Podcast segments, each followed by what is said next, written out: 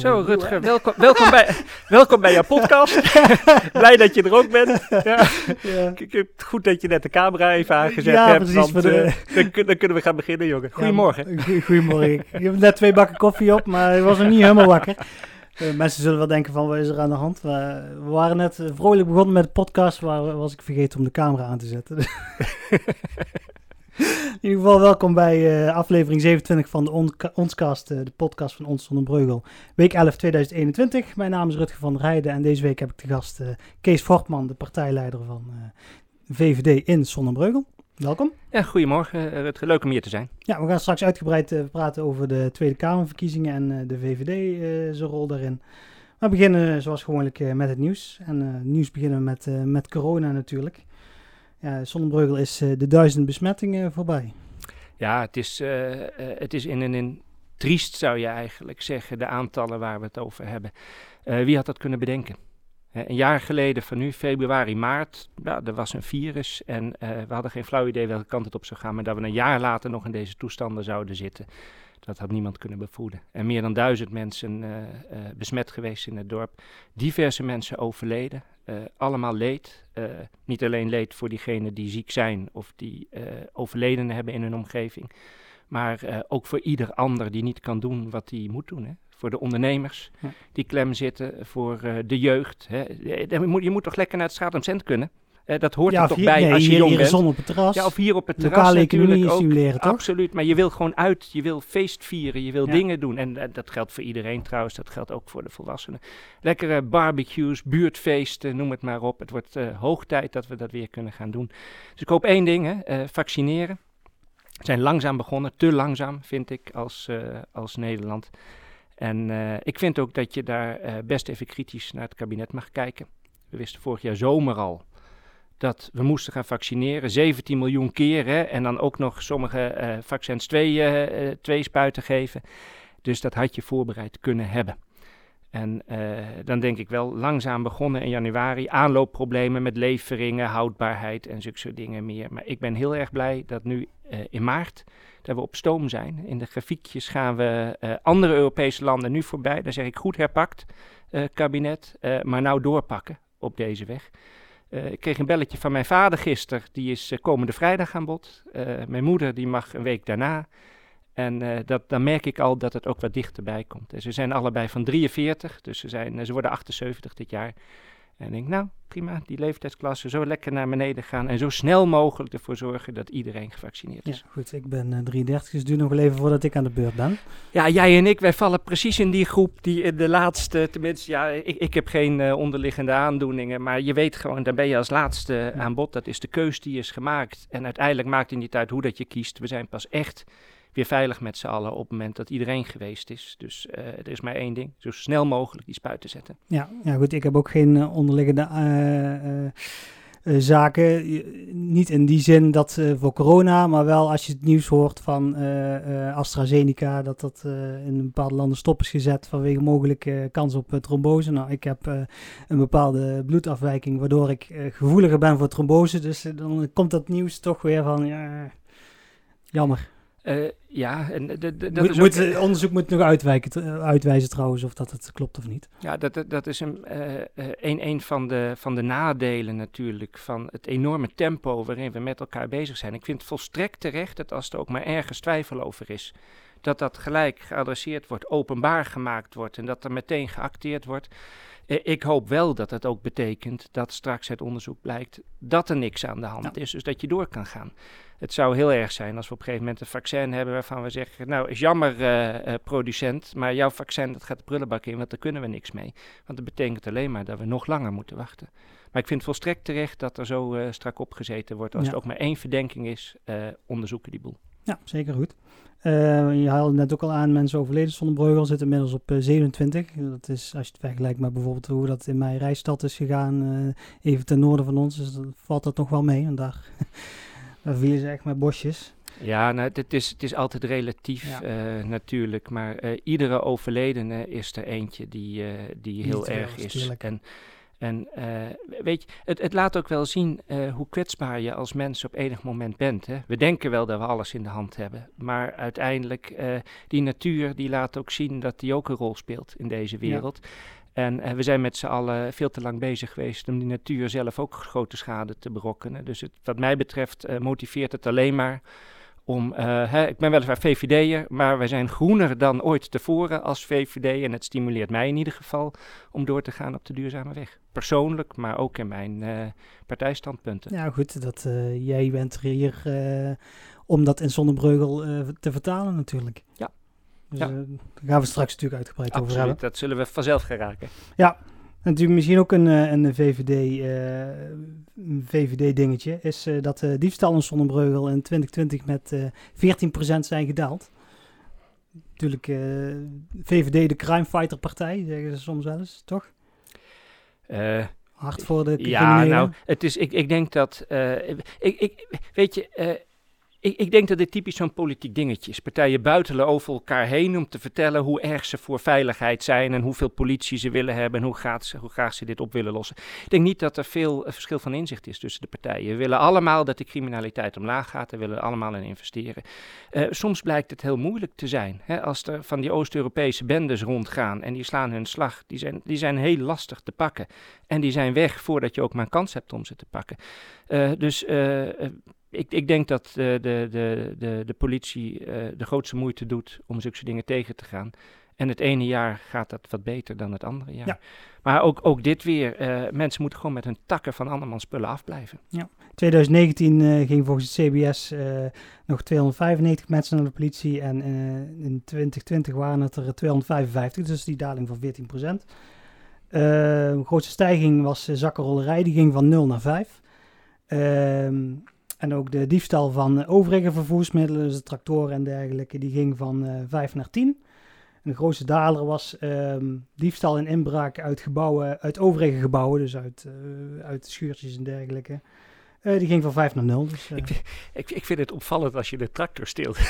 ja, die staan Blijkbaar gebeurt het, maar het, het, lijkt me toch redelijk complex om op zo'n ding weg te rijden. Het is niet, het zo, het, het is niet zo dat je even stil wegkomt. Het is nee. niet zo dat je, dat je onzichtbaar bent en zo. Nee. Nee, maar goed, we hebben het, uh, je hoort uh, onze burgemeester vaak uh, praten over ondermijning in het buitengebied. Dus een, een belangrijk ja. item voor hem. Dus het, het, gebeurt wel degelijk. En omdat het in het buitengebied gebeurt, ja, minder mensen die toezicht kunnen houden. Of, dat is ook. en ook hier, blijf gewoon van elkaar spullen ja, af. ik, ik hoop dat ze ze allemaal pakken. Ja. Nou, ook een persoonlijk nieuwtje. Ehm, wij hebben de deur geopend van uh, Ons Zonnebrugge TV. Dat is het televisiekanaal dat ik op heb gezet. Ehm, Via onszonnebruggentv.nl kun jij, uh, kun jij naar die site toe gaan of met de knop die uh, bij mij op de website staat. En dan kun je, uh, kom, komt allerlei videomateriaal voorbij die ons schiet. Komt ook het nieuws voorbij, het weer komt voorbij, de uitagenda komt voorbij. leuk weetjes over het dorp. Dat vind ik altijd wel leuk om mensen bepaalde weetjes te geven over geschiedenis, over de gemeente, over mensen die je misschien wel of niet kent. Dus kun je daar zien en ja, dus je kunt op de site terugkijken en binnenkort komt er ook een app voor Apple TV en voor uh, Android TV. Dus uh, dan is het echt een, een volwaardig televisiekanaal. Dus ja. het, is, het is al officieel een televisiekanaal, want we hebben gewoon uh, een licentie gekregen van het commissariat van media om dit te doen. Dan ben jij in Nederland officieel erkend als televisiekanaal. Uh, proficiat, ik ja, vind het hartstikke leuk. Ik denk ook dat het uh, in deze tijden past. Hè? Uh, je, als ik naar mezelf kijk, ik, ik merk bij mezelf dat ik ook steeds meer nieuws in, in videovorm aan het consumeren ben. Hè? Gewoon op YouTube. Ik heb een onderwerp, ik zoek het op, ik kijk het na, ik abonneer me op kanalen. Ik kan ook een maand later kan ik weer naar een ander kanaal gaan. Dus ik ben heel lekker vrij in wat ik graag wil volgen en wat ik niet wil volgen. En uh, een kanaal uh, met nieuws uit uh, ons eigen dorp. Nou, dat zijn dingen die ik wel leuk vind om mee te pakken. Ik zou alleen, maak ze niet al te lang, de filmpjes. Nee, hou, nee, hou ze lekker kort en bondig. Want als ik, als ik echt ergens voor ga zitten, dan vind ik het nog heerlijk om, om goede artikelen te lezen, goede commentaren te lezen. En dat mag best, best volumineus zijn of, of mooie boeken.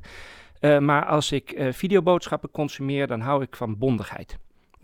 Ja, dus- een goed voorbeeld is, uh, af, dit is afgelopen week ook op uh, de site verschenen. Dat was uh, de rondleiding van Chris Sporen door het nieuwe gemeentehuis. Ja, Jij bent inmiddels ook al in het nieuwe gemeentehuis no, geweest. Ja, daar, gaan we de overstap naar de politiek maken. Oké, okay, uh, die kunnen we wel eventjes parkeren als ja, je dat wilt. Ja, ik ben, er, ik ben er geweest, want wij hadden een, een vergadering afgelopen week in het nieuwe gemeentehuis. Maar eigenlijk hebben wij als gemeenteraad kennis mogen nemen van het nieuwe gemeentehuis via jouw beelden. Okay. En via de artikelen in de pers we hebben als gemeenteraad we hebben geen uitnodiging gekregen om uh, een rondleiding te krijgen. Dus uh, ik ben heel erg blij dat jij daar met die camera rondgelopen hebt. En ik had het verhaal van Chris ook graag zelf gehoord en dat ik hem ook nog wat vragen kunnen stellen. Ja goed, ik ben met uh, Chris begin van, van de verbouwing ben ik geweest, ook samen met de burgemeester, even door het gebouw ingelopen hoe het toen was, wat de monumentale waarden zijn, wat er zo bijzonder is aan het gebouw. En gedurende die 18 maanden zijn we iedere keer een paar keer wezen kijken samen met Chris van hoe staan de zaken er nu bij. Nou, afgelopen week uh, hebben we een rondleiding gehad hoe dat uh, het uiteindelijk is geworden. Waar jullie het uh, krediet voor verstrekt hebben, maar schijnbaar niet uitgenodigd zijn om, om het eindresultaat te zien. hij heeft overal, bij ieder punt heeft hij aan kunnen wijzen van nou, dit hebben we bewaard, dit is er verbeterd, dit is, zo ziet het er nu uit. En het is inderdaad fijn dat de projectleider zelf, want Chris heeft heel het traject begeleid van begin tot eind, ook met de, de nieuwbouwgedeelte.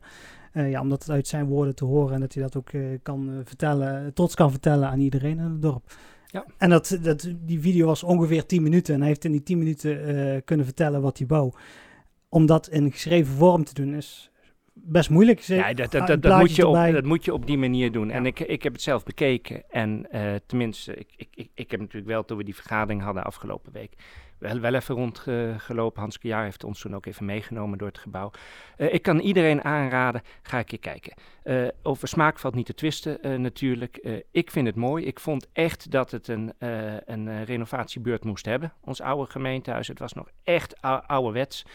Uh, het, voelt voor mij heel prettig aan, veel meer open. Uh, uh, ook de raadzaal, in mijn ogen is die prettig, hoewel ik het nog zelf nog steeds jammer vind dat hij een wat vervelende vorm heeft. Hè, het is een heel, heel, nog steeds een heel langgerekte ruimte, waardoor je als publiek het gevoel hebt dat je toch wel heel erg ver van de gemeenteraad af zit.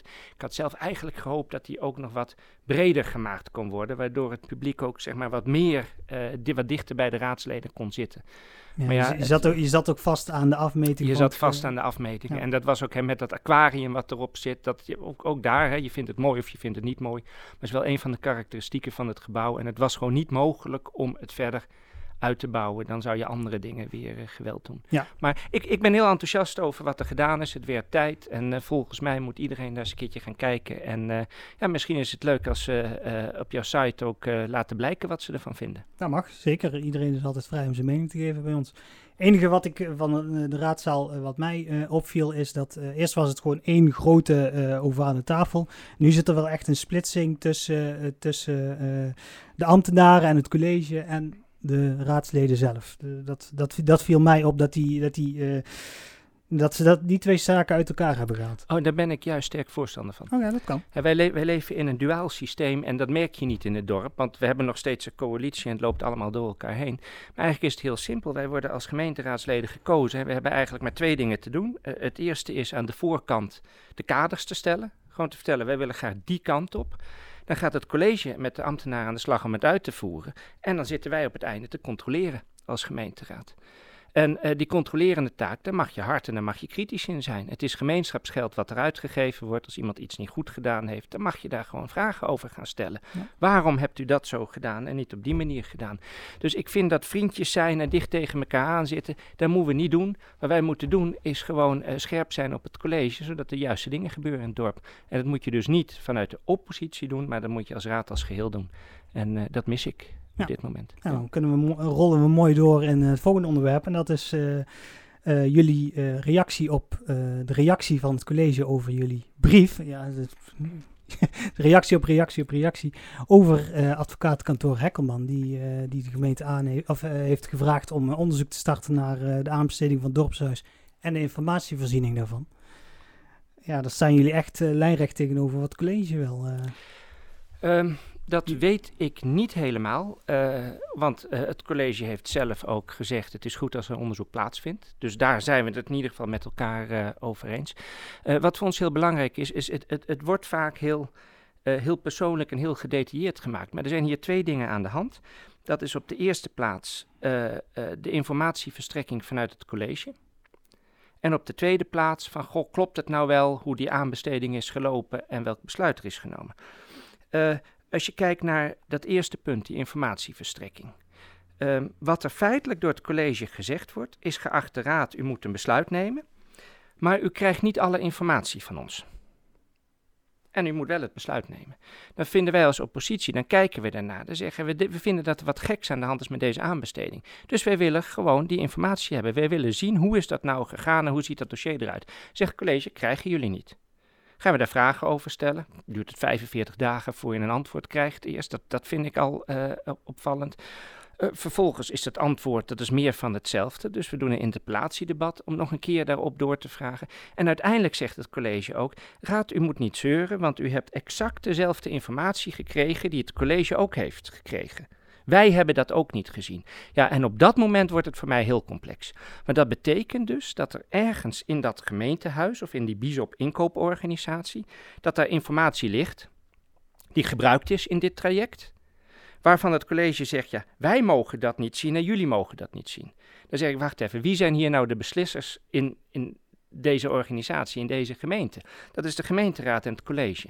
Dus als er ergens informatie ligt, maar dat is blijkbaar geheim voor diegenen die besluiten moeten nemen, nou ja, dan heb je een soort van Trumpiaanse deep state gedachte, eh, heb je dan. Ik wil niet zeggen dat het zo is, maar fundamenteel kan dat niet in mijn ogen. Informatie die er is, die moet in alle tijden aan de gemeenteraad en aan het college ter beschikking gesteld worden. Nou, dat is dus dat is geen persoonlijk conflict dat wij hebben met het college, maar dat is een heel strak uh, zakelijk juridisch verhaal. Wij vinden gewoon dat we die informatie moeten hebben.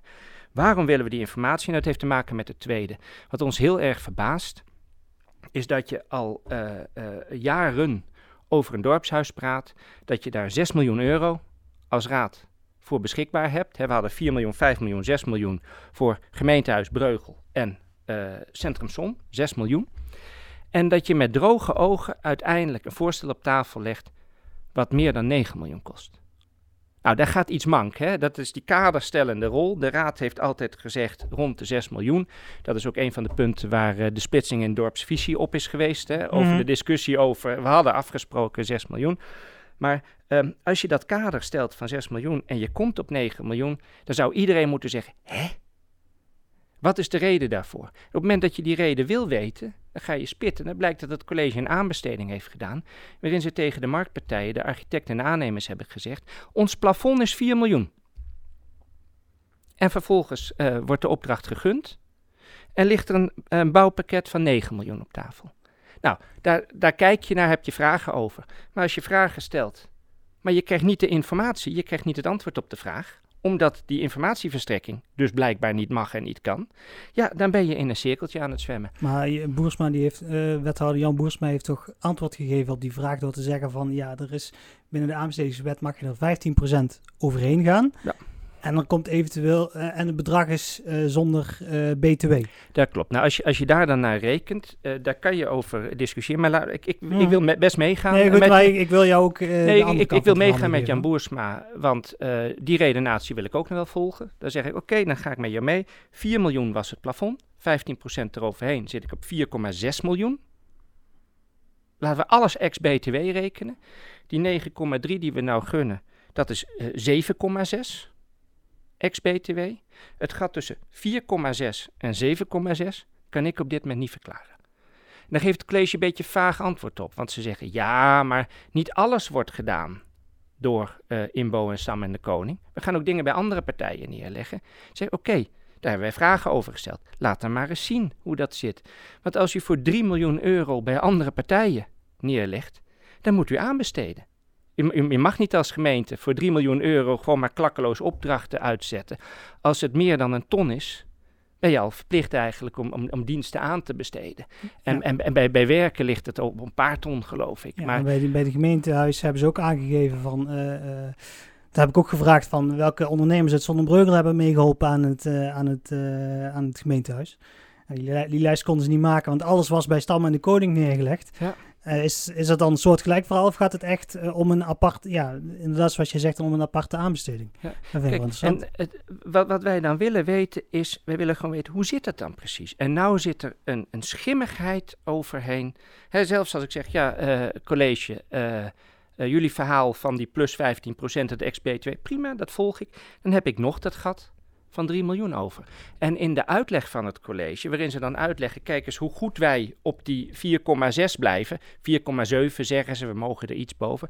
In die uitleg, dan nemen ze een aantal dingen niet mee in dat bedrag. Dus het is aantoonbaar dat er weer vervolgvragen in zitten die wij weer stellen.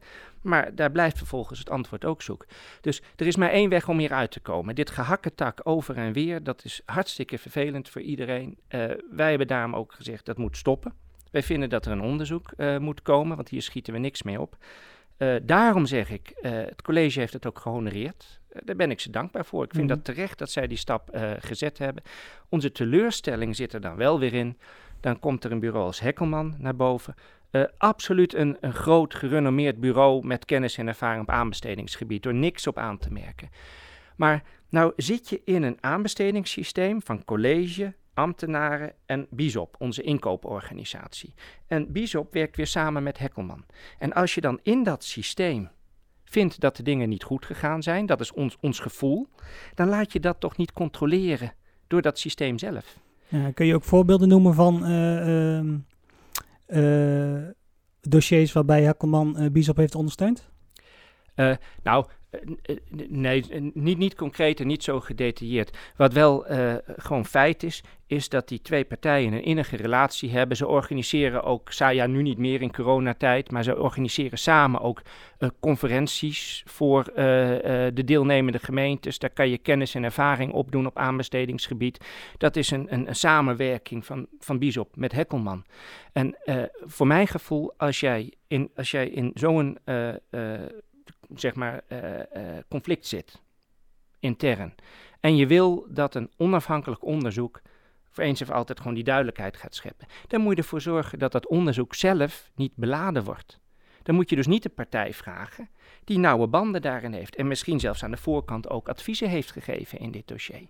En er zijn zo ongelooflijk veel goede aanbestedingsbureaus in Nederland.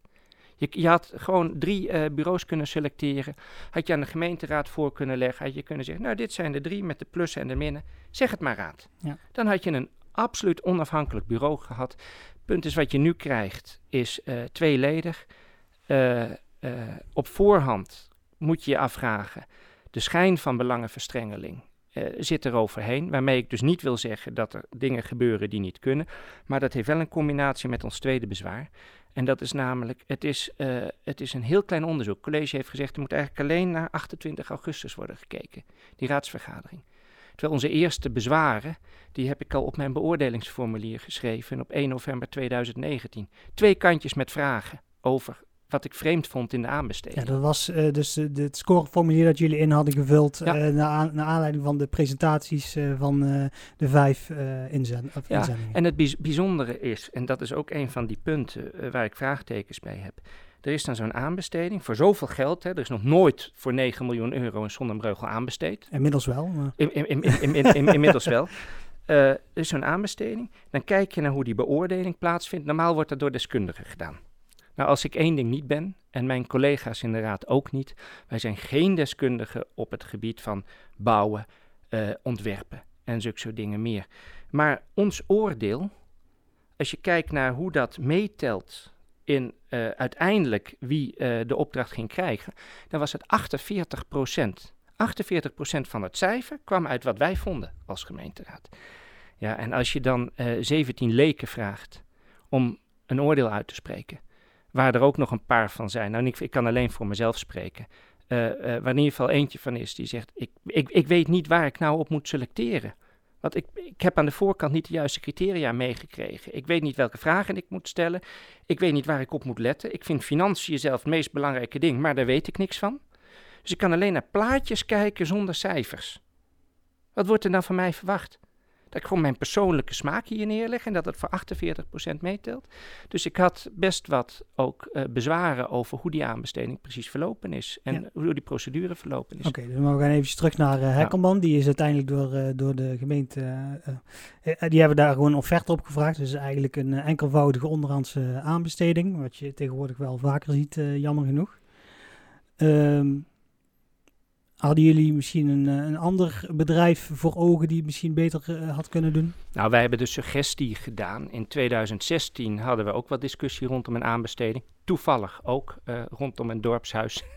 ja, toen zaten jullie nog in de, in de coalitie? Nee hoor, dat was een aanbesteding. Oh, dat was voor de, val van... Ja, ja van de dorpsvisie Dorpsblank coalitie. Dat was ook een van de aanleidingen toen voor de breuk, want er zijn hele gekke dingen gebeurd. Toen heeft Berenschot het onderzoek gedaan. En uiteindelijk, ja, we denken dat er toen een prima rapport lag, waar de gemeenteraad ook weliswaar, uh, je kan met de verschillende brillen naar kijken, maar de deskundigheid van de onderzoeker stond daar niet ter discussie. En dat vind ik eigenlijk wel het belangrijke als je zo'n onderzoek doet. En het jammere vind ik van deze keus dus, dat je op voorhand eigenlijk al discussie gecreëerd hebt voor het onderzoek gestart is. Dus daarin verschil ik van mening met het college. Oké, en hebben jullie nog vervolgstappen of uh, gaan jullie neerleggen bij wat het college uh, heeft geantwoord? Nou ja, kijk, we, uh, het, het, het, natuurlijk zijn er wel, wel vervolgstappen. wij hebben onze bezwaren in ieder geval ook wel kenbaar gemaakt bij onze rekenkamercommissie. Want we hebben andere uh, gremia die ook zeg maar de, de rechtmatigheid en zulke soort zaken van ons gemeentelijk handelen onderzoeken. Dat is een onafhankelijk orgaan. Jij zit daar toch ook in? Of nee, nee, dat is de, de, de auditcommissie. Ja. ja. sorry. Nee, dit, dit, dit zijn echt deskundigen die in die rekenkamercommissie zitten. Die hebben we samen met Nune en Gelder op Mierlo. dat zijn specialisten die verstand hebben van de juridische kant en de financiële kant. Dus die zouden het goed kunnen onderzoeken. Waarmee ik uh, niet op voorhand al het Hekkelman-onderzoek uh, uh, wil gaan negeren. Want ik, ik, begon al met te zeggen: het is wel degelijk een goede organisatie. Het is een goed bureau. Dus die zouden, als zij de ruimte zouden krijgen, ook een goed onderzoek moeten kunnen doen. Alleen ja, ik, ik, ik hoop wel bijvoorbeeld dat ik ook een belletje krijg. Of in ieder geval, hè, wij zijn natuurlijk als gezamenlijke oppositiepartijen zijn wij diegene die de vragen op tafel uh, hebben gelegd.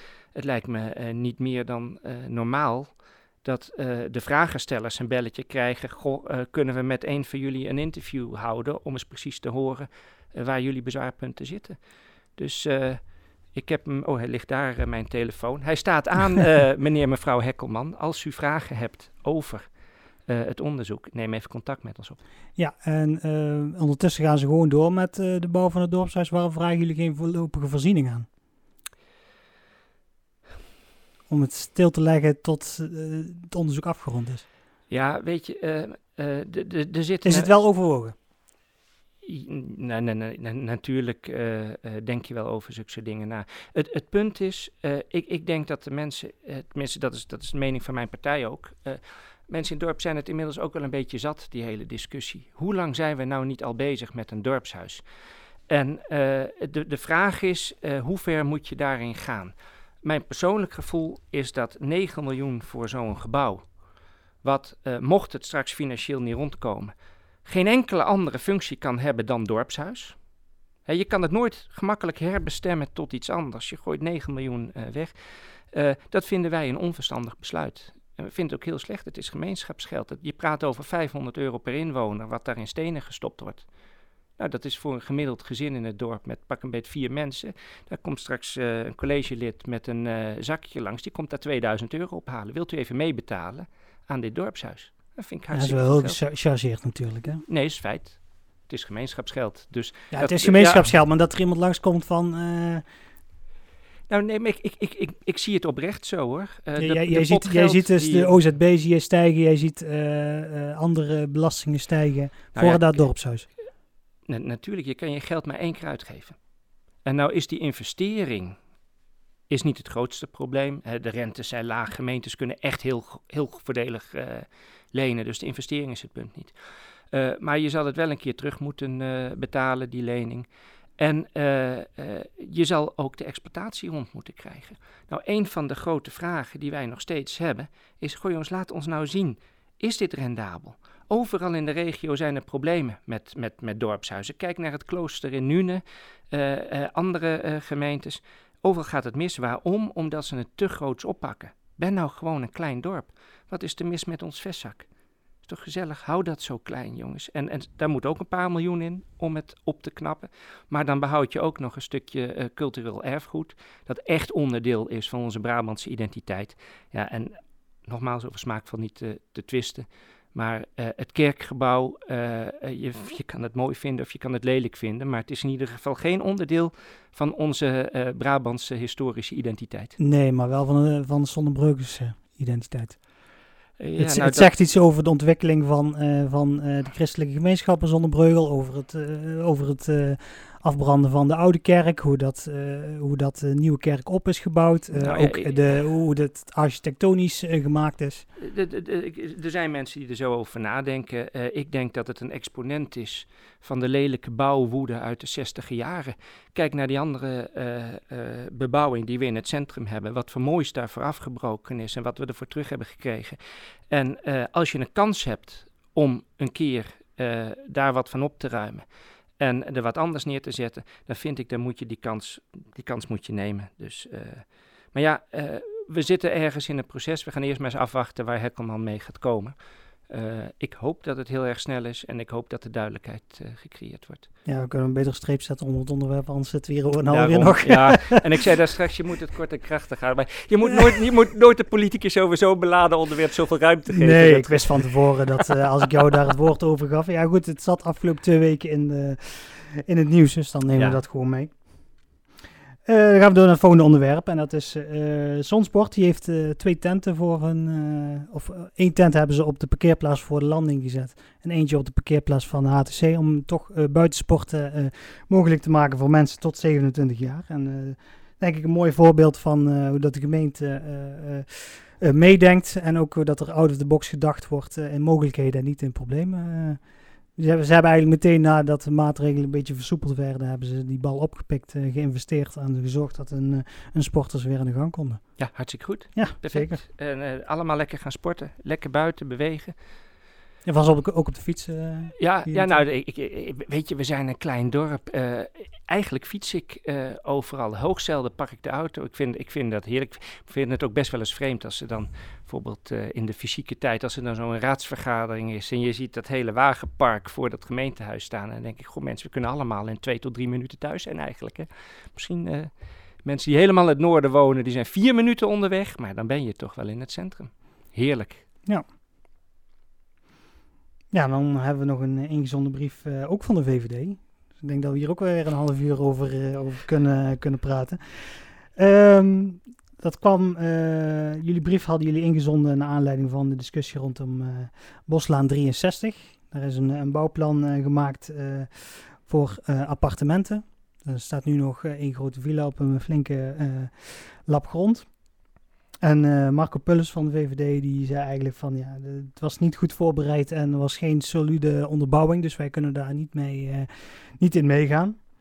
Hij opperde ook wel het idee om uh, een kleinere, duurzame, betaalbare en energie-neutrale te bouwen.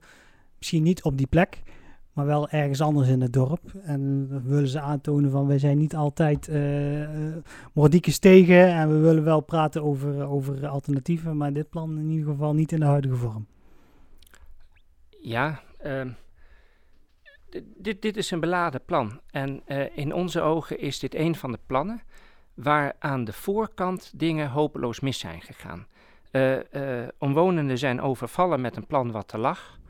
En op dat moment betrekt men de barricades.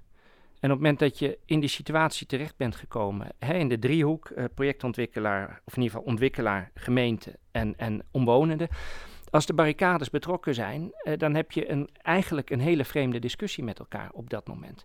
Terwijl als je aan de voorkant uh, goed kijkt naar welke alternatieven er mogelijk zouden zijn en je legt uit waarom je het ene en waarom je het andere wil, dat wil niet zeggen dat je tot een andere einduitkomst komt, maar je loopt het proces wel op een andere manier met elkaar.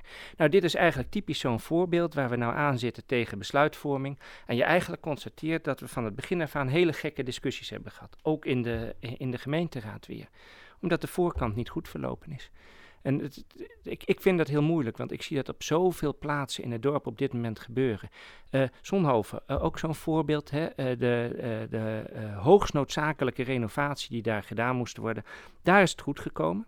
He, daar hebben omwonenden een behoorlijk stellig standpunt. Het heeft echt geleid tot wijzigingen in het projectplan en ook uh, aanvoerroutes en dat soort zaken. Ja, daar, daar is het goed gekomen. Omwonenden zijn met alternatieven gekomen, hebben daar ook draagvlak zelf voor uh, gecreëerd. En hebben dat ook goed beargumenteerd. Nou, en, en daar zie je dat de partijen op een goede manier tot elkaar komen. Maar ja, er zijn ook andere trajecten. Kijk naar Begoniastraat, wat daar gebeurt. Er zijn zoveel plaatsen op dit moment. Kijk naar Hendrik Venemanstraat. Eigenlijk zeg maar de, de, de hele commissieagenda van afgelopen week. Daar staan van die beladen onderwerpen op waarbij je af kunt vragen: had het nou aan de voorkant niet beter gekund?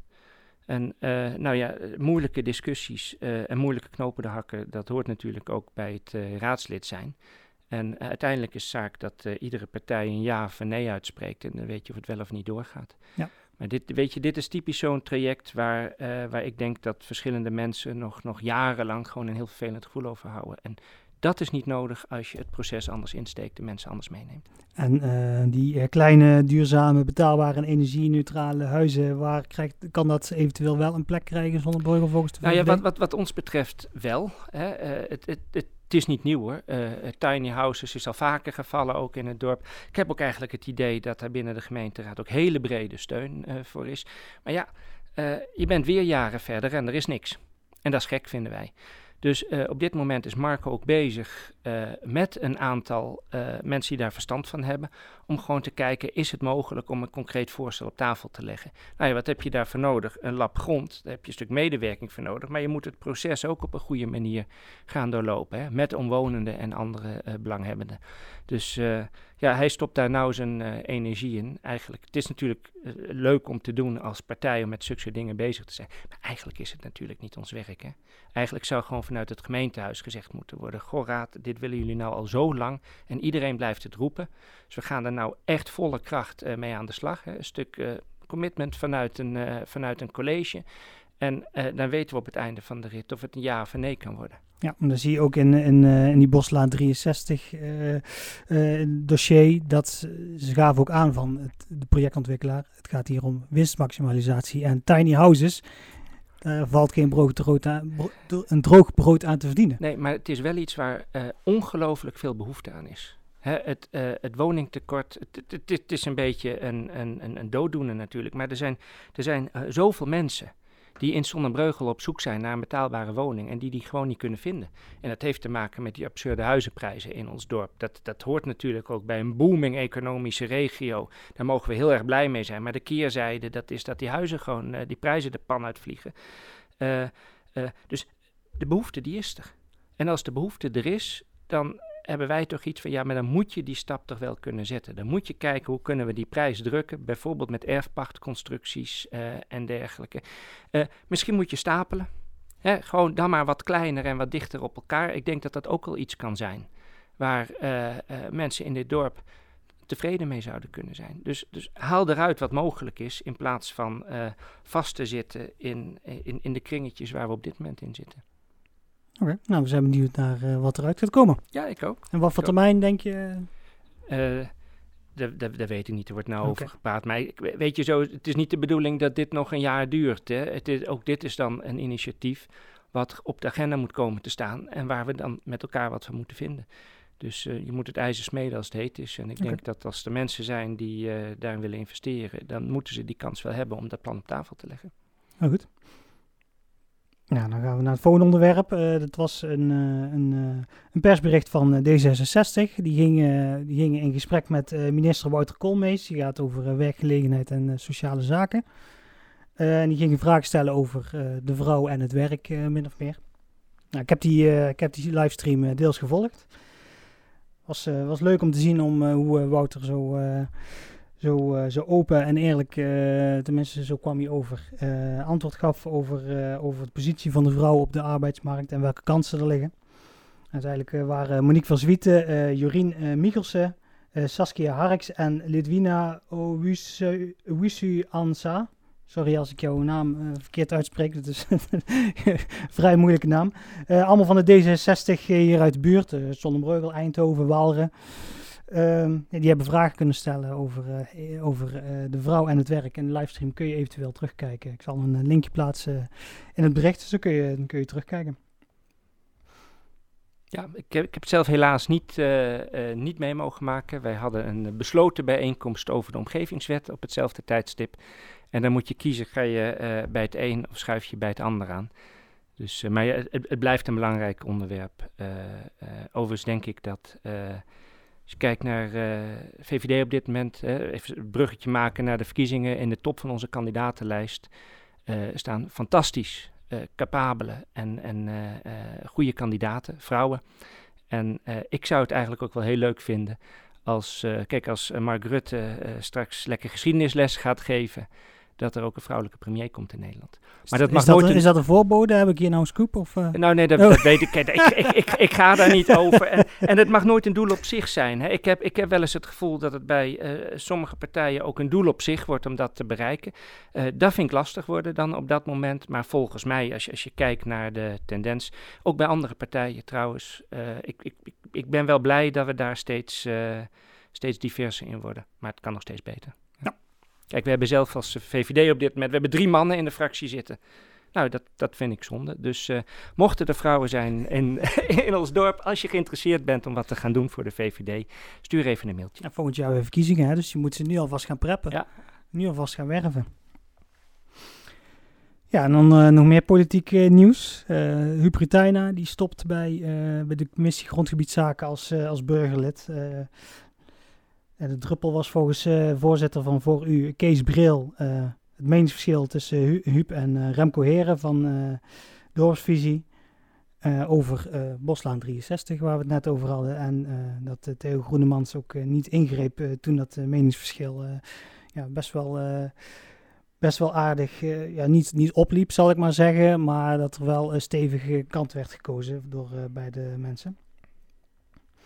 Um, Heer had uh, een Rutaina gewezen op het voortraject in, in het dossier en ja, Huub die zat er net vier maanden in.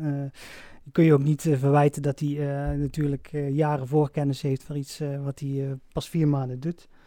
Ja, dat was eigenlijk de, de, ja, verhuupt de, de druppel om te zeggen van ja, dit, dit is het niet voorbij en ik, ik kies ervoor om te stoppen.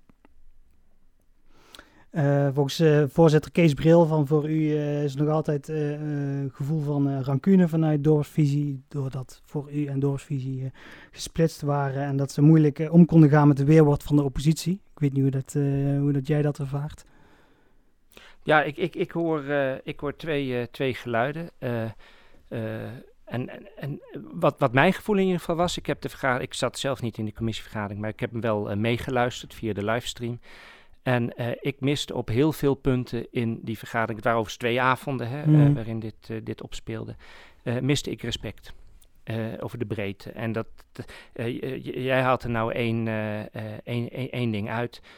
dat, dat, dat zat voor mijn gevoel een stukje breder over zich heel. Ook, ook mensen die inkwamen spreken, uh, omwonenden op een onderwerp, die vervolgens een hele avond zaten te luisteren en dan kwam dat onderwerp niet aan bod. Uh, dan ben je drie uur aan het kijken en, en, en, en, en, dan en wordt je onder, onderwerp niet behandeld. Dus ik vind over het geheel genomen, vond ik dat er een uh, gebrek aan respect was in die, in die bijeenkomsten.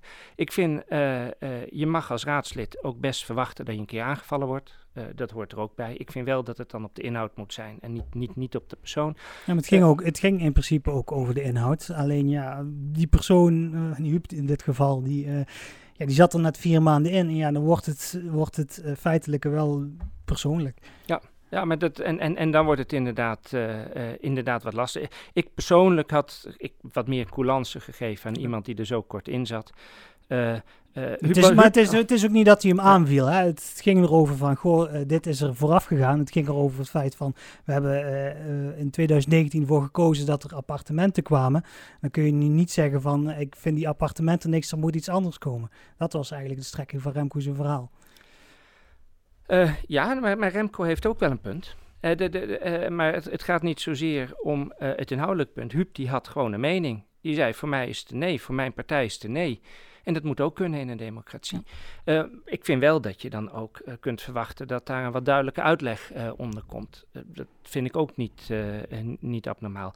Maar ja, Huub hakt vervolgens de knoop door en zegt, als ik nou de optelsom maak, want we, we moeten niet in dit ene ding blijven hangen, vind ik hoor. als ik de optelsom maak, dan mis ik gewoon op heel veel punten respect in, uh, in deze gemeenteraad. En daar heeft hij gelijk in. En ik persoonlijk, ik vind, uh, je, je bent al met zo'n klein groepje ik, ik ben ervan overtuigd dat iedereen betrokken is en zijn stinkende best doet om een beste voor heeft met dit dorp.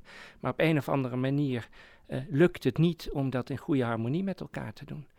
En dat vind ik in en in triest. En nou is het weer voor iemand reden geweest. Hè. Stefan Filippi is vorig jaar al gestopt. We hebben al een splitsing van partijen gehad. We hebben al een wethouder gehad, wiens persoonlijke weg, hè, Tom van de Nieuwe Huizen, niet meer verenigbaar was met de weg van de gemeente.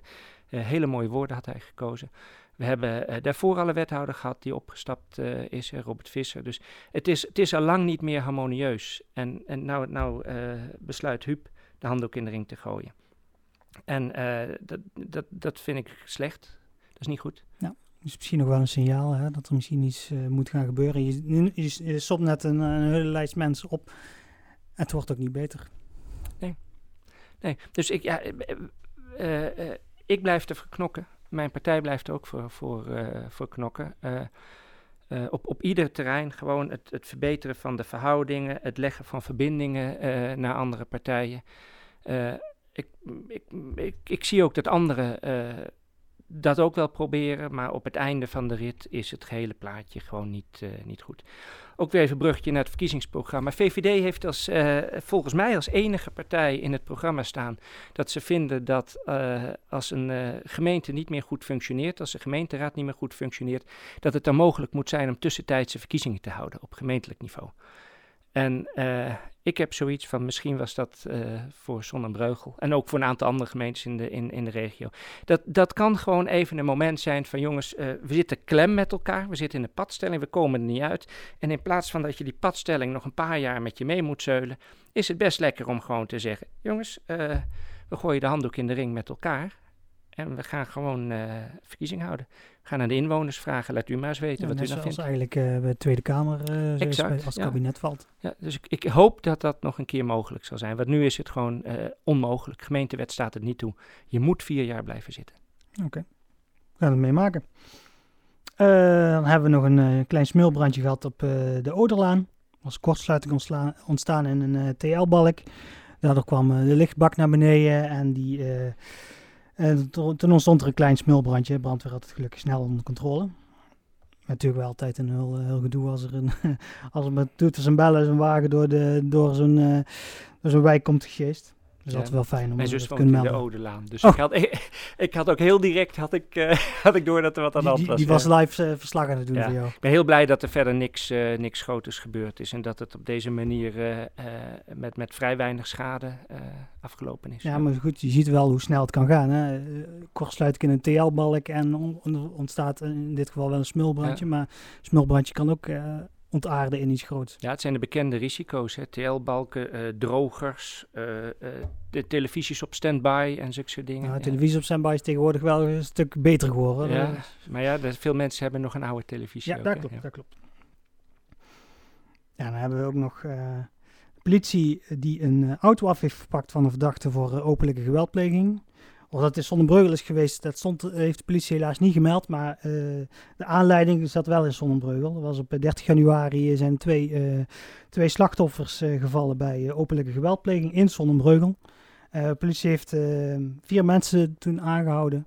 die, zitten ook nog, die worden ook nog steeds verdacht.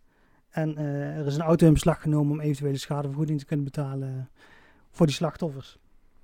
En terecht mits deze persoon inderdaad schuldig gevonden wordt. Dat is aan de rechter. Uh, en dan hebben we ook nog, uh, ook nog uh, wat soms mensen op televisie gehad. We hadden de 19-jarige Vera Louise, die hadden we afgelopen week bij First Dates op televisie. En die ging op date met Justin Kersenboom, 24 uit, uit Oosterhout. Nou, je kon wel zien, uh, ze zat zo aan, aan de bar en ze had ook vlug even een shotje gevraagd aan de barman om er uh, zenuwen wat te bedaren. Maar uiteindelijk is het wel een, eh, een leuke date geworden van wat ik gezien heb op televisie in ieder geval. Ging over het NPO-programma First Dates van BNN-Vara, waarbij mensen dus aan elkaar gekoppeld worden en die gaan dan uit eten in de hoop dat er wellicht liefde ontstaat of, of misschien iets meer of minder. Ehm, nou, uiteindelijk was in dit geval uh, geen liefde ontstaan. Uh, ze hebben gezegd van leeftijdsverschil te groot, 1924. Maar ze staan wel open om samen uh, naar een feestje te gaan. En, dus misschien dat dat nog gaat gebeuren. Maar leuk om te zien dat er een uh, zonder Breugel ook nog mensen op de NPO verschijnen. Ja, en ik, ik, hoop voor allebei dat het dan. want je, je kent natuurlijk lekker stukje publiciteit dan. En ongetwijfeld zijn er uh, andere kandidaten die zich dan aandienen op zo'n moment. Ja, misschien als er meer mensen zijn zonder Breugel. aanmelden zou ik zeggen. Wij, wij, vinden het in ieder geval leuk om daar aandacht aan te besteden. En dan zijn we door het nieuws heen. Uh, stel ik voor dat wij nog een kopje koffie gaan drinken. En dan gaan we het daarna uitgebreid hebben over uh, de VVD bij de landelijke verkiezingen. Prima plan. Oké, tot zo.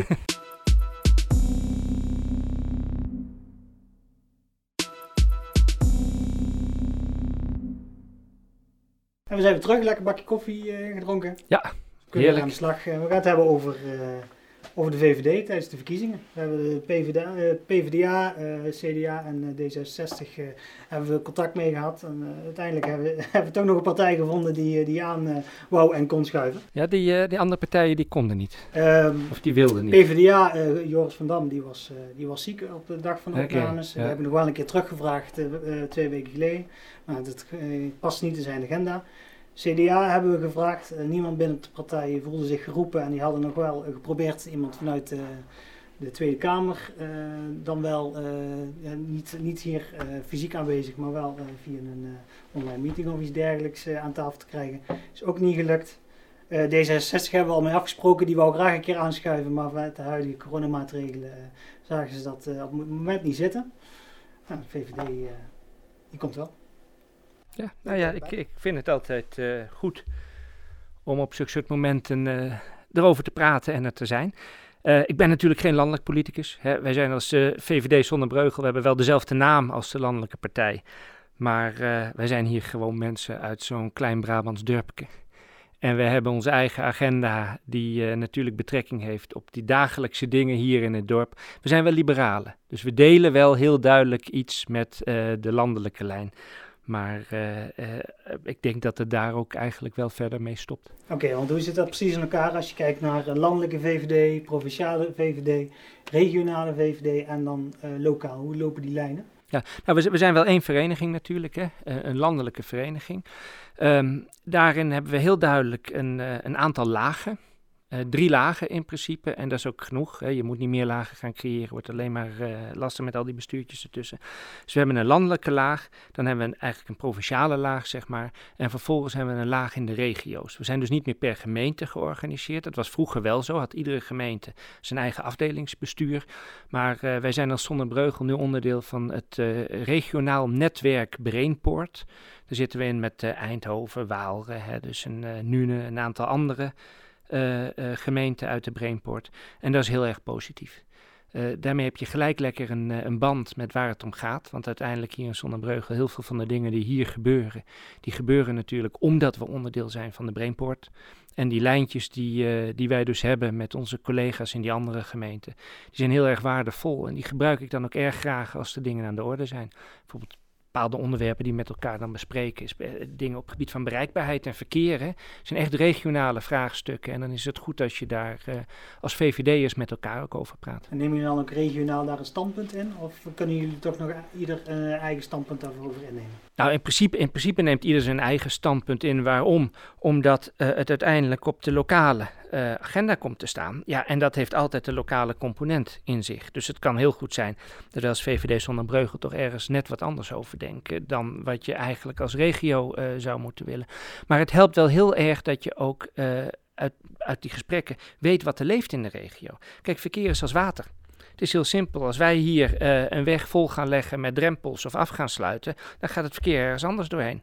En dat andere zou zomaar een andere gemeente kunnen zijn. Dus het is een illusie dat je grote verkeersproblemen in zo'n kleine gemeente oplost. En daar ligt dus de waarde van zo'n uh, partijnetwerk, omdat je die lijntjes ook hebt uh, als gemeenteraadslid. En hoe verhoudt zich dan regionaal tot landelijk? Als je kijkt van het partijbestuur die die verzet natuurlijk allerlei standpunten. En uh, hoe vertaalt zich dat dan naar Zonnebreugel? Nou, uh, wij praten mee landelijk. Hè. Wij kunnen dus als uh, netwerk Brainport, net als ieder ander netwerk, kunnen wij op de algemene vergaderingen dingen inbrengen. We kunnen ook wat vinden. We hebben ook stemrecht op die manier. Uh, Brainport is geen onbelangrijk netwerk, uh, niet alleen voor de VVD, maar voor het hele land. Hè. Uh, je hebt Amsterdam, je hebt Rotterdam en dan heb je de regio Eindhoven. Dus er gebeurt wel echt hier, echt hier bij ons. Dus ik heb ook wel het idee dat je, dat je wat kunt betekenen. Kijk, de overheid, en misschien is dat, dat ook mede dankzij het feit dat de VVD in het kabinet zit en dat die lijntjes zo lopen. de landelijke overheid heeft ook significant meer geïnvesteerd in de regio Eindhoven de afgelopen tijd dan dat er daarvoor gebeurde. En dat komt natuurlijk wel omdat er hier heel veel gebeurt, hè, dat is belangrijk op zich, maar ook omdat via de partijlijnen daar de hele tijd de nadruk op gelegd wordt. Ja, dus hier inderdaad bij uh, de, de, de, wijze waarop ze investeren in, uh, in bedrijven hier in de regio. Kijk bijvoorbeeld naar uh, Smart Photonics, daarvan heeft de overheid gezegd van daar investeren wij in omdat dat heel belangrijk is. Eh, eh, ook eh, de, de high-tech campus, de bereikbaarheid daarvan, dat wordt, dat wordt meegenomen in de plannen die vanuit de kabinet komen. Dus je ziet wel dat inderdaad deze regio heel belangrijk is voor ze. Ja, en dat zie je ook terug in de cijfers. Hè. Zonnebreugel, nummer 2 economische toplocatie van Nederland vorig jaar stonden nog uh, de eerste en dit jaar tweede. Ja, het is een beetje uh, haasje over met uh, Haarlemmermeer. Hè, wij staan hier nou in jouw ruimte op Eckersrijd ook. Daar kunnen we echt trots op zijn, op ons Eckersrijd. Er zit zo ongelooflijk veel bedrijvigheid, ook zo divers. En uh, uh, uiteindelijk, daar moet je ook heel reëel in zijn, dat wij als Zonnebreugel een redelijk welvarende gemeente zijn. Dat zijn we ook omdat wij dat grote industrieterrein binnen onze grenzen hebben liggen. Dus we moeten Eckerscheid koesteren, vind ik. We moeten de ondernemers koesteren die daar zitten. En uh, vooral mogen we ook trots zijn op wat we hier... Ja, het heeft ook impact op wereldschaal, hè, Eckerscheid. Als je kijkt, 2018 was de brand bij ProDrive. Nou, dan hebben ze bij, uh, die zijn toeleverancier van ASML. En ASML is weer uh, toeleverancier van uh, Intel, van Samsung, al die chipfabrikanten. En op het moment dat er brand is hier op Eckersrijd, hebben ze daar gewoon wereldwijd problemen mee. En levert dat gewoon miljoenen schade op voor, voor andere bedrijven. Ja. Dus, ja. ja. Dat vind ik altijd mooi om te zien hoe dat zo'n klein dorpje toch zo impact kan hebben. Zeker. Um, wat is de rol van de VVD hier zonder Breugel bij de lokale verkiezingen, of bij de landelijke verkiezingen? Uh, die is vrij beperkt. Ja, uh, de campagne, we hebben natuurlijk een landelijke campagnestaf. En daar wordt eigenlijk alles geregeld. Dus er moeten hier wat posters geplakt worden. En, en dat is het ook eigenlijk gewoon. Oké, sturen ze gewoon die posters op en zeggen van ga maar plakken? Nou, dat gaat wel via de, de netwerkorganisatie en zo. En, en daar wordt ook wel even over gesproken. Er wordt ook wel over nagedacht. Moeten we nog wat extra dingen doen of niet? Maar ja, we leven wat dat betreft ook wel in een, uh, in een veranderende wereld. Hè, uh, onze landelijke politici en ook de landelijke boodschappen zijn voor iedereen heel erg toegankelijk. Hè. Denk aan de digitale media, YouTube. ieder kanaal kun je gebruiken als je dingen wil weten. Niet alleen over de VVD, maar dat geldt voor iedere andere partij ook. Dus hè, waar je kijkt waar het vroeger belangrijk was dat je dus langs de huizen ging, ook als uh, uh, lokale politicus en ook bij landelijke verkiezingen je verhaaltje vertelde en, en, je foldertjes uitdeelde.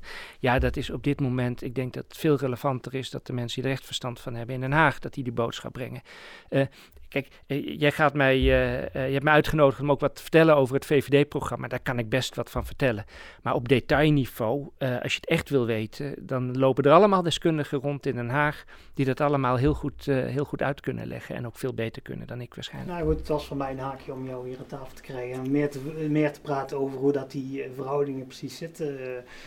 En wat, wat hebben jullie nou allemaal precies gedaan, behalve dat je hier aan bent geschoven en posters hebt geplakt? Nou, eigenlijk vrij weinig. Inderdaad, po uh, posters plakken. Ik had een foto gezien inderdaad van Marco die verdrukt ja, met, uh, ja. was Marco Pullis. Ja, en eigenlijk moeten we nog een keer een rondje, rondje maken. Want ik zag op een aantal borden, daar, daar waren ze weer vanaf. Ja, ik zag ook uh, sommige plaatsen in het dorp uh, op uh, verschillende posters ook beklad en dergelijke. Weet je, dat, dat, dat, is een, dat, dat is een van de frustratie van dorpspolitici. Dat je zo'n mooie poster op zo'n bord plakt en dat vervolgens met, met het behangplakspul of met wat dan ook. Het, en vervolgens zijn ze er heel snel weer vanaf en dan, dan begin je weer opnieuw. En ik moet zeggen dat ik het ook eigenlijk vervelend vind dat op het moment dat zo'n poster losraakt of op de grond ligt, ik vind het hartstikke slordig. Ik uh, erger me eraan als er een VVD-poster of een andere poster ergens op de grond ligt. Dan pak ik hem op, dan neem ik hem mee en stop ik hem thuis in de prullenbak. Want uh, uh, ons mooie dorp moeten we toch maar wat mooier houden dan allerlei verkiezingsposters die op de grond liggen. Wat ik in mijn rijstad bijvoorbeeld zie, daar zijn van die, van die grote borden. En er staan overal heel klein die, die posters op afgebeeld van alle partijen. En ik weet ook niet of dat, dat de oplossing is. het ziet er in ieder geval wel beter uit.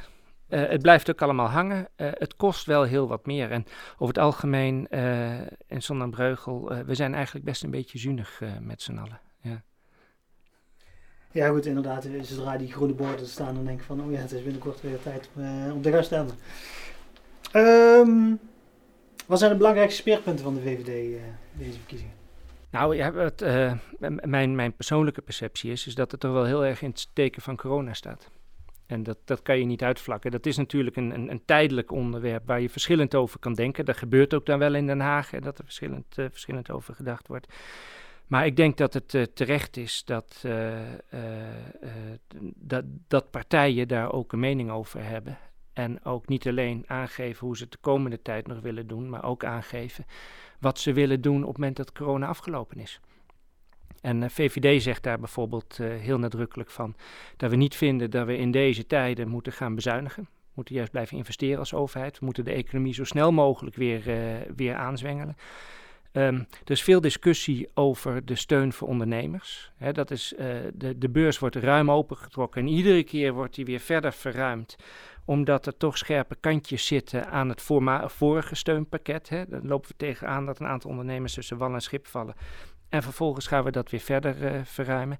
Uh, dat zijn natuurlijk wel uh, investeringen die ook wel hun beslag hebben op de toekomst. Hè. Op enig moment zul je al dat extra geld wat je uitgeeft, zul je ook weer ergens vandaan moeten krijgen. Je, je, je staatsschuld loopt er wel mee op. VVD heeft op dit moment als standpunt van, uh, daar gaan we voorlopig even niks mee doen. Uh, we moeten gewoon die economie weer aanzwengelen. En dat betekent dat je als overheid investeert. Ik denk dat dat een belangrijk is. Dus uh, corona, daar, of de herstel op corona, daar ga je in investeren. economisch herstel ga je op investeren. nog meer buiten corona om? als uh, speerpunten. Nou ja, wat, wat, wat uh, wel een actuele is, en dat speelt ook bij ons uh, in Zonnebreugel, natuurlijk het probleem van de krapte op de woningmarkt. En daar wordt uh, verschillend over gedacht hoe je daarmee om moet gaan. Daar hebben mensen wel echt wat te kiezen uh, in Den Haag. Ik denk niet zozeer over het doel. Volgens mij willen alle partijen hetzelfde bereiken. Namelijk dat er meer woningen komen en dat die woningen ook betaalbaar zijn voor, uh, voor iedereen. Daar zit geen discussie tussen. Alleen over de weg daar naartoe zie je het wel sterk uiteenlopen.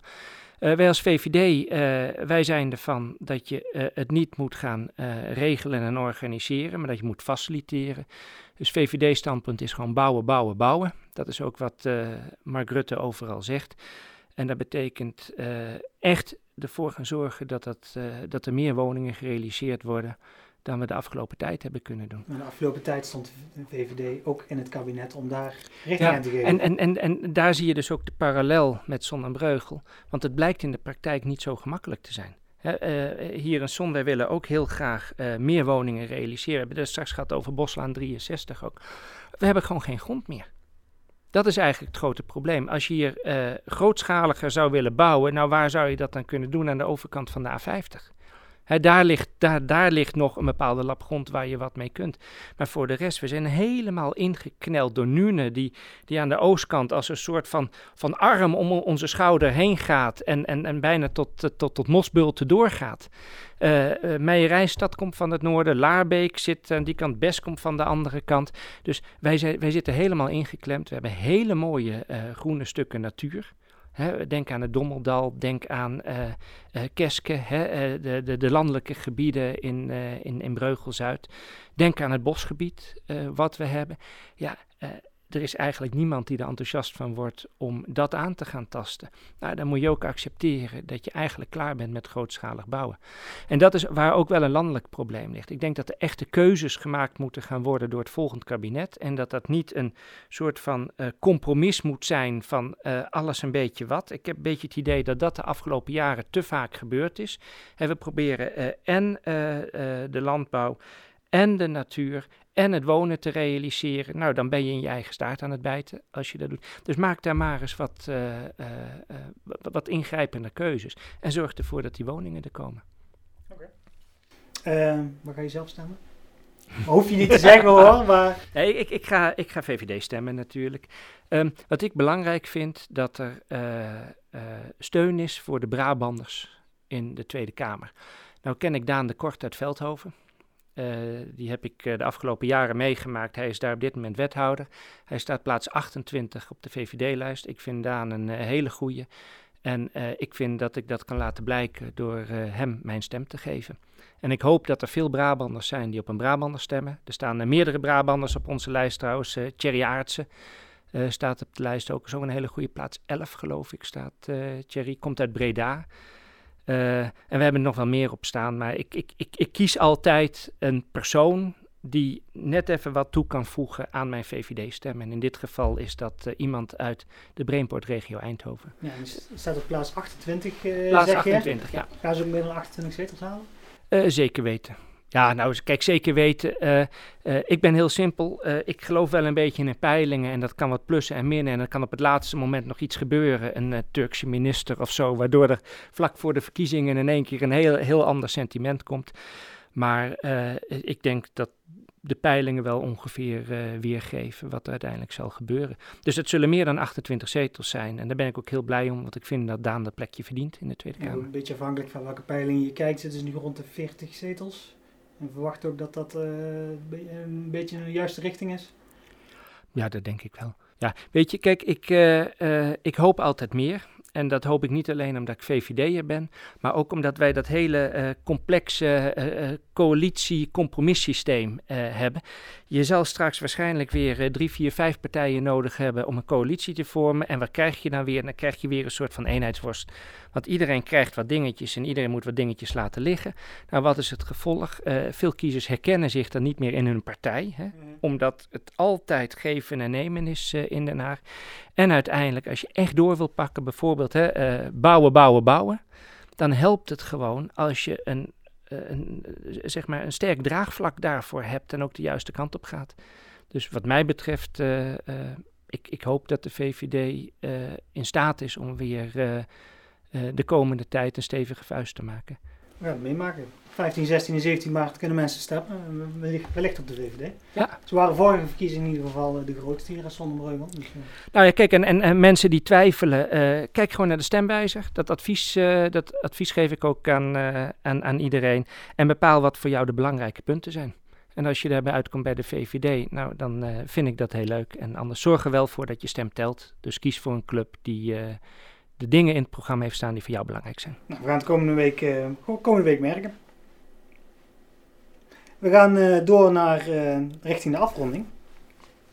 Iedere, vrijdag, of, iedere vrijdag om de week stel ik een vraag in het kader van Vragen Vrijdag. Nou, ik vroeg van ga je 15, 16 en 17 maart stemmen?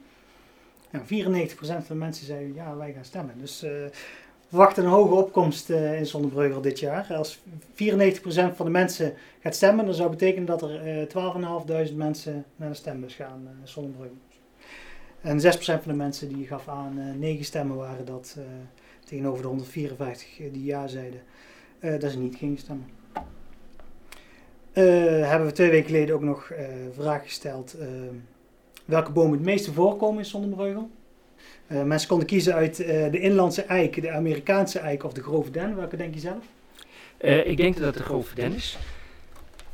En, en ik denk dat we ervoor moeten zorgen dat we de Amerikaanse eik een beetje beteugelen. Ja, dat is wat ze in de Harderven inderdaad hard mee bezig zijn om, die, om die weg te krijgen. De grove den inderdaad met 44%, de Amerikaanse eik 14% en de inlandse eik 10%.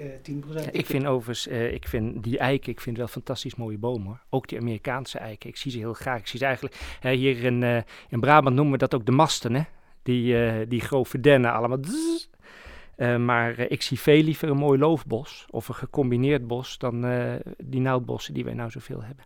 Maar dan zal onze inlandse eik, die zal er goed tegenaan moeten de komende tijd. Want het duurt heel wat jaartjes voordat zo'n boom ja.